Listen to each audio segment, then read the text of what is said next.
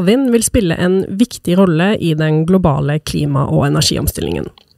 Sommeren 2020 åpna norske myndigheter for havvind i områdene Utsira nord og Sørlige Nordsjø 2. Det regulatoriske rammeverket og de økonomiske betingelsene for utbygging av norsk havvind er fremdeles ikke klarlagt. Hva er driverne bak havvindsatsingen? Hvorfor trekker dette ut i tid? Og hva blir veien videre, er det vi er her for å snakke om i dag. Før helgen, fredag 8. april, kom også den rød-grønne regjeringen med sin tilleggsmelding til den foregående regjeringens energimelding. Med noen venta avklaringer knytta til prosess og fremdrift for utbygging av havvind. Vi skal også ta med oss denne siste utviklingen og hvilke avklaringer som følger av dette. Velkommen til Advokatene forklarer, en podkast fra advokatfirmaet Wiersholm. Her tar vi for oss nyheter, trender og endringer innen juss og næringsliv. Mitt navn er Svanhild Westerhem. Jeg er advokat i Wiersholm og har med meg kollega og partner i Wiersholm, Jon Rabben. Havvind er da et hot tema globalt, og står høyt på agendaen både i Asia, eh, USA og ikke minst i EU. Det er i dag bygd ut i overkant av 30 gigawatt havvind i verden, og det alt vesentlige i Nordsjøbassenget. Og det spås en betydelig økning i årene som kommer. Norske myndigheter var tidlig ute med vedtakelsen av havenergiloven tilbake i 2010, men den gang uten et underliggende initiativ til utvikling. Myndighetsinitiativet kom da for fullt i 2020, da områdene Utsira nord og Sørlige Nordsjø 2, totalt 4500 megawatt, ble åpna.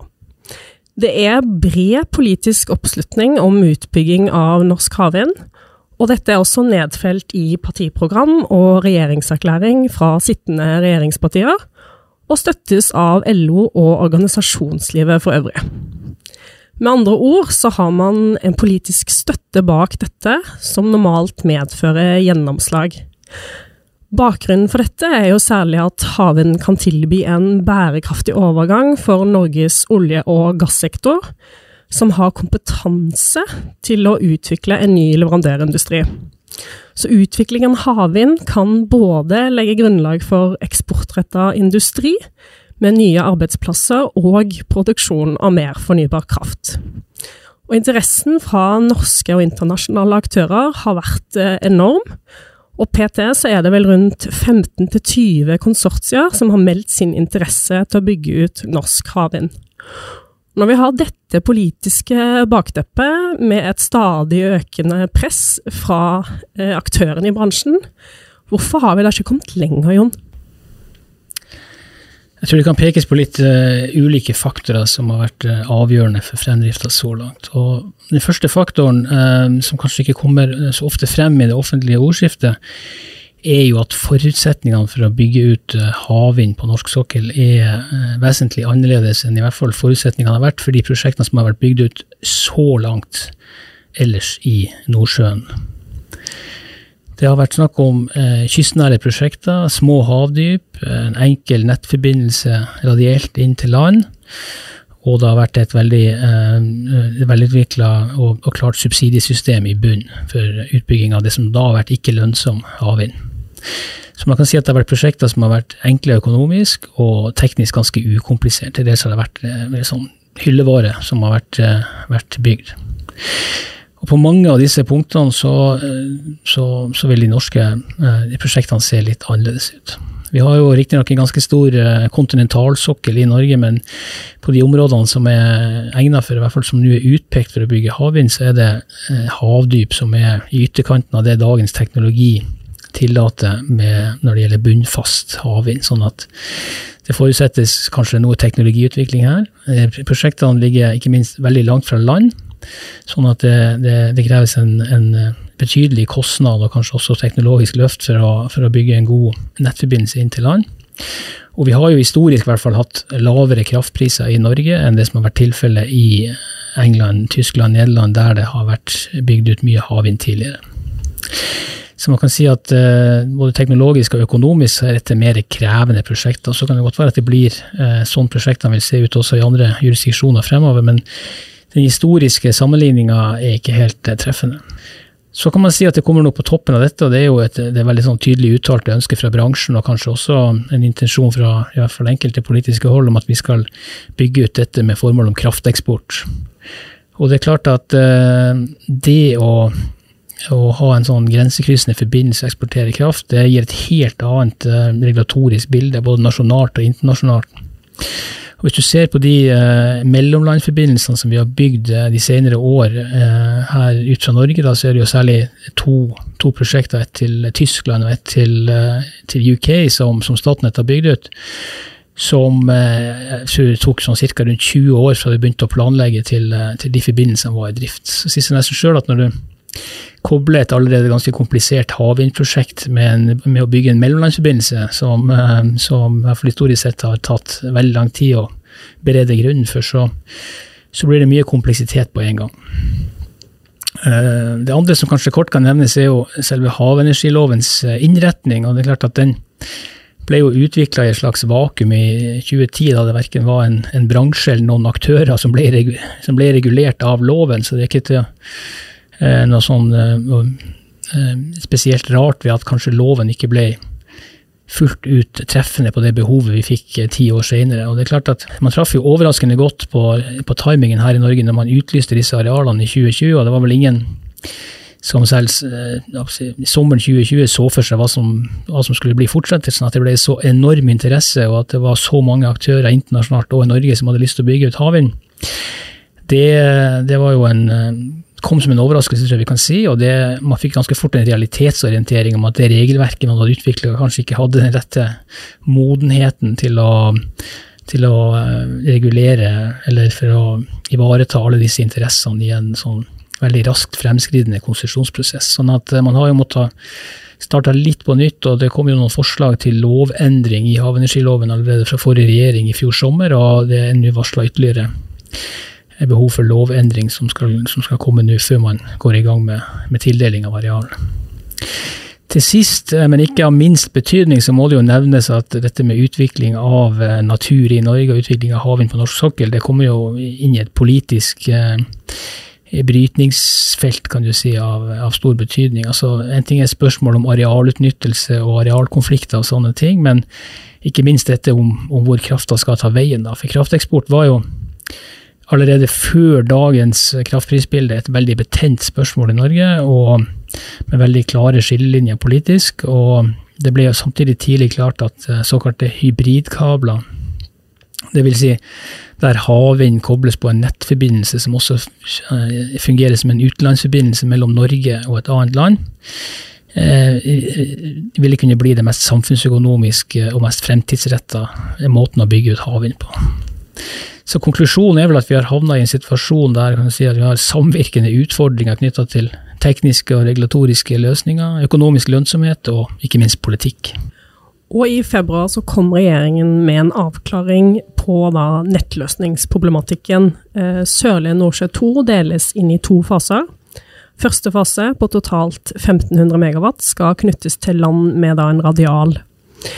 Hvilket tilknytningsregime som skal gjelde for da de resterende 1500 megawattene, det skal man ta stilling til etter at NVE har utreda de ulike nettløsningsalternativene. Hva betyr eh, regjeringens valg eh, for tempoet, og hva blir veien videre, Jon? Ja, dette er jo en nettløsning som eh, muligens innebærer en mer sånn prosjektretta og enklere utbygging. ikke sant? Det er Eh, men, men, samtidig med, med, klart mindre potensial for industriell skalering, sammenlignet med, med, en løsning med krafteksport. Så løsninga har jo høsta mye kritikk for å være for lite og for seint, men, men, det finnes jo både egentlig positive og negative sider ved dette forslaget. Og hun sier mest positivt er jo at det medfører en mulighet til å komme i gang, og øke sjansen for at man kan få til en eh, effektiv eh, prosess med å tildele areal og få bygd ut havvind i Norge.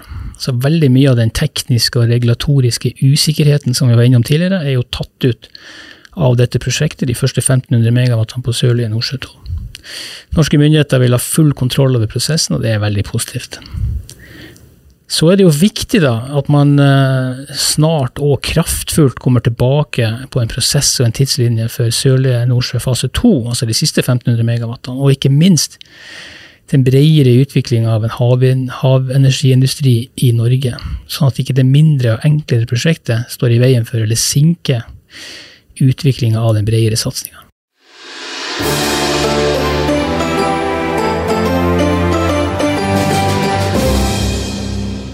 Og tilstrekkelig økonomisk lønnsomhet det er en forutsetning for at det skal bygges ut havvind.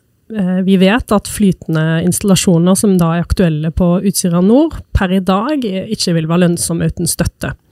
I tillegg så har jo aktørene vært eh, tydelige på at hybridforbindelser er en forutsetning for lønnsom utbygging av Sørlige Nordsjø 2.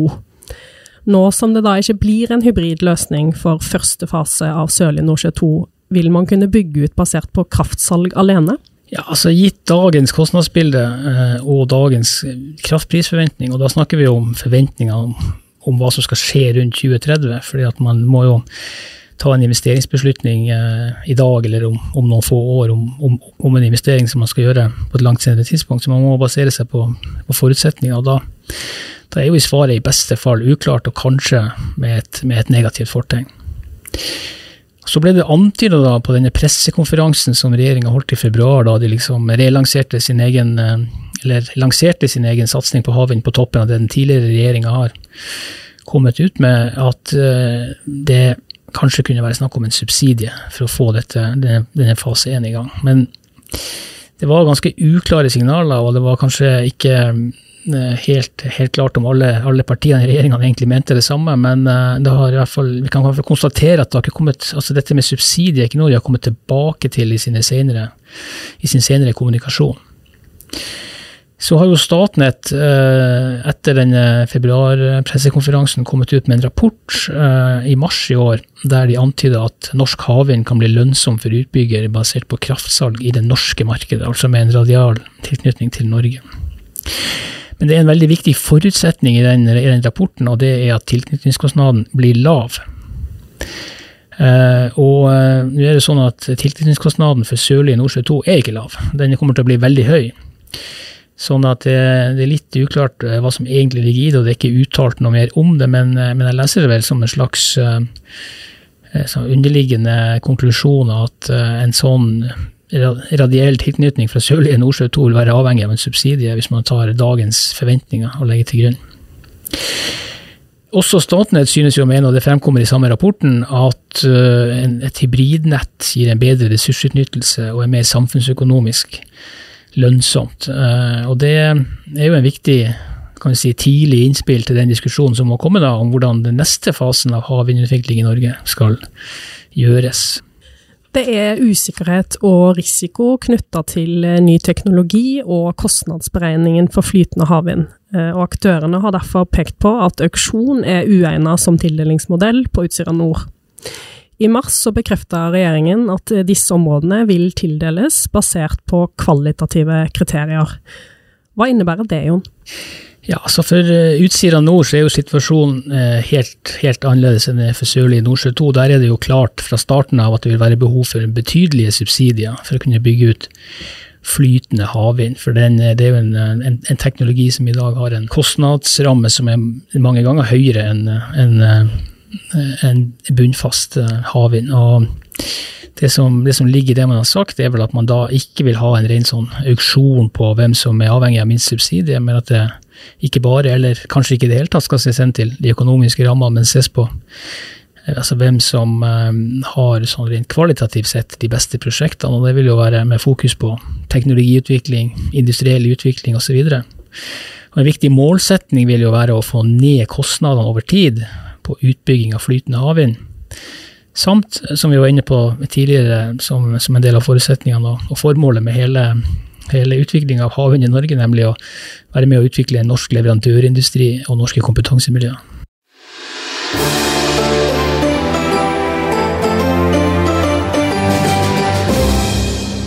Og mange hadde jo nå håpa på en nærmere avklaring av rammeverket og de økonomiske forutsetningene for utbygging i regjeringens eh, tilleggsmelding til energimeldingen, som da kom ved inngangen til helgen. Hva kan vi trekke ut av tilleggsmeldingen? Ja, altså uh, Ut fra hva som var forventa, så kan man jo kanskje si at det kom lite nytt uh, sammenholdt med det som har vært annonsert tidligere. Og de tilbakemeldingene vi har sett i offentligheten har derfor vært nokså lunkne. Eh, men tidsplanen er jo i noen grad stramma opp, og det tas jo sikte på, sånn som jeg leser det, å avklare en del viktige parametere i løpet av 2022. Og Det står i, altså i denne meldinga at, at, at regjeringa i løpet av kort tid vil fremme et forslag til lovendring yt, med, med altså ytterligere endringer i havenergiloven og eventuelt forskriftsverk for å, for å få um, presisert hvordan man har tenkt å gjøre disse tildelingsprosessene. Og i, i tråd med det som var ute på høring i fjor sommer. Så gjenstår det og det tar man sikte på å komme tilbake til, da, å fastsette de endelige utlysningsområdene på Sørlige Nordsjø 2 og Utsira nord, hvordan de vil deles opp, og hvordan man kan, kan søke eh, på de. Og så eh, er man i gang med å utarbeide en auksjonsmodell som man også har tenkt å, å avslutte i, i, løpet av året. Og også jobbe med disse kvalitative kriteriene på Utsira nord. Eh, samt det man kaller for en eventuell støtteordning for flytende havvind. Eh, sånn at eh, hvert av disse stegene man, tar man sikte på å få ut på høring eh, for å sikre en god eh, involvering av alle berørte interesser. Eh, og basert på denne tidslinja så fremstår det jo som at en, en, første runde med konkrete utlysninger og tildeling kan igangsettes første halvår 2023, hvis man følger denne planen. Det skal jo sies at man annonserte jo en plan i fjor sommer, da man kom med den opprinnelige energimeldinga, som, eh, som, ikke eh, har vært, har vært, mulig å følge. sånn at uh, man kan jo ikke si allerede nå at denne planen er mulig å følge, men det er i hvert fall ambisjonen. Og regjeringa understreker at ambisjonen fortsatt er å få de første vindparkene i drift før 2030.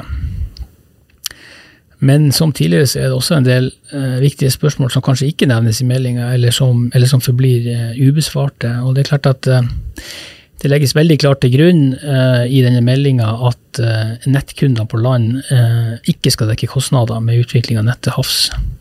Og så sies det ingenting om hvordan denne nettutviklinga skal finansieres, men, men det er jo tilsynelatende aktørene som skal bygge ut havvind, og da kommer man opp i denne spørsmålet er, altså, vil det være lønnsomt, vil det kreves en subsidie osv. Og, så og det sies ikke noe ytterligere om dette med subsidier i denne omgang.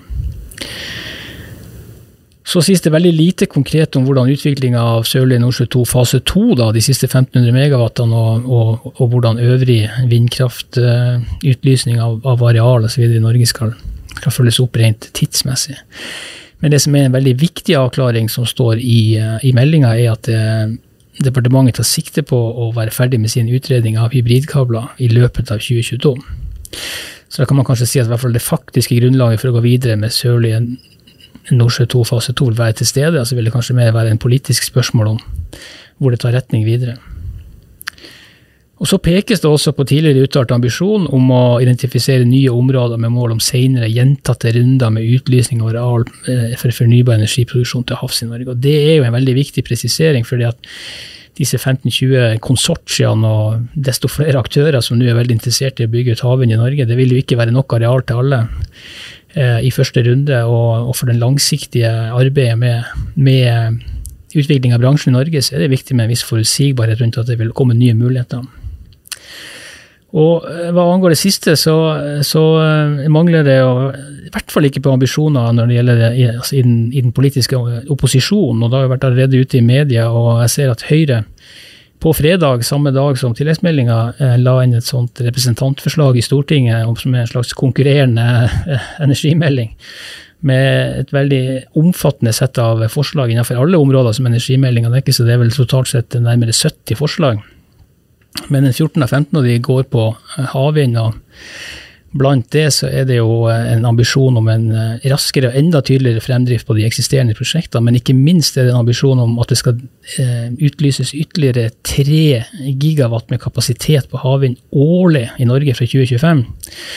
Altså det vi går ut nå med i første runde, skal gjentas årlig fra 2025 og utover. så det og Den uttalte ambisjonen er jo å overkjøre regjeringens energimelding i Stortinget, så det ligger an til en, en spennende vår på Stortinget. Så for å oppsummere, Tempoet for utviklingen av norsk havvind er nå satt fra regjeringens side, men det gjenstår viktige avklaringer, bl.a. når det gjelder tildelingsprosessen og innretningen av subsidier. Avklaringer som forhåpentligvis kommer på plass i løpet av året.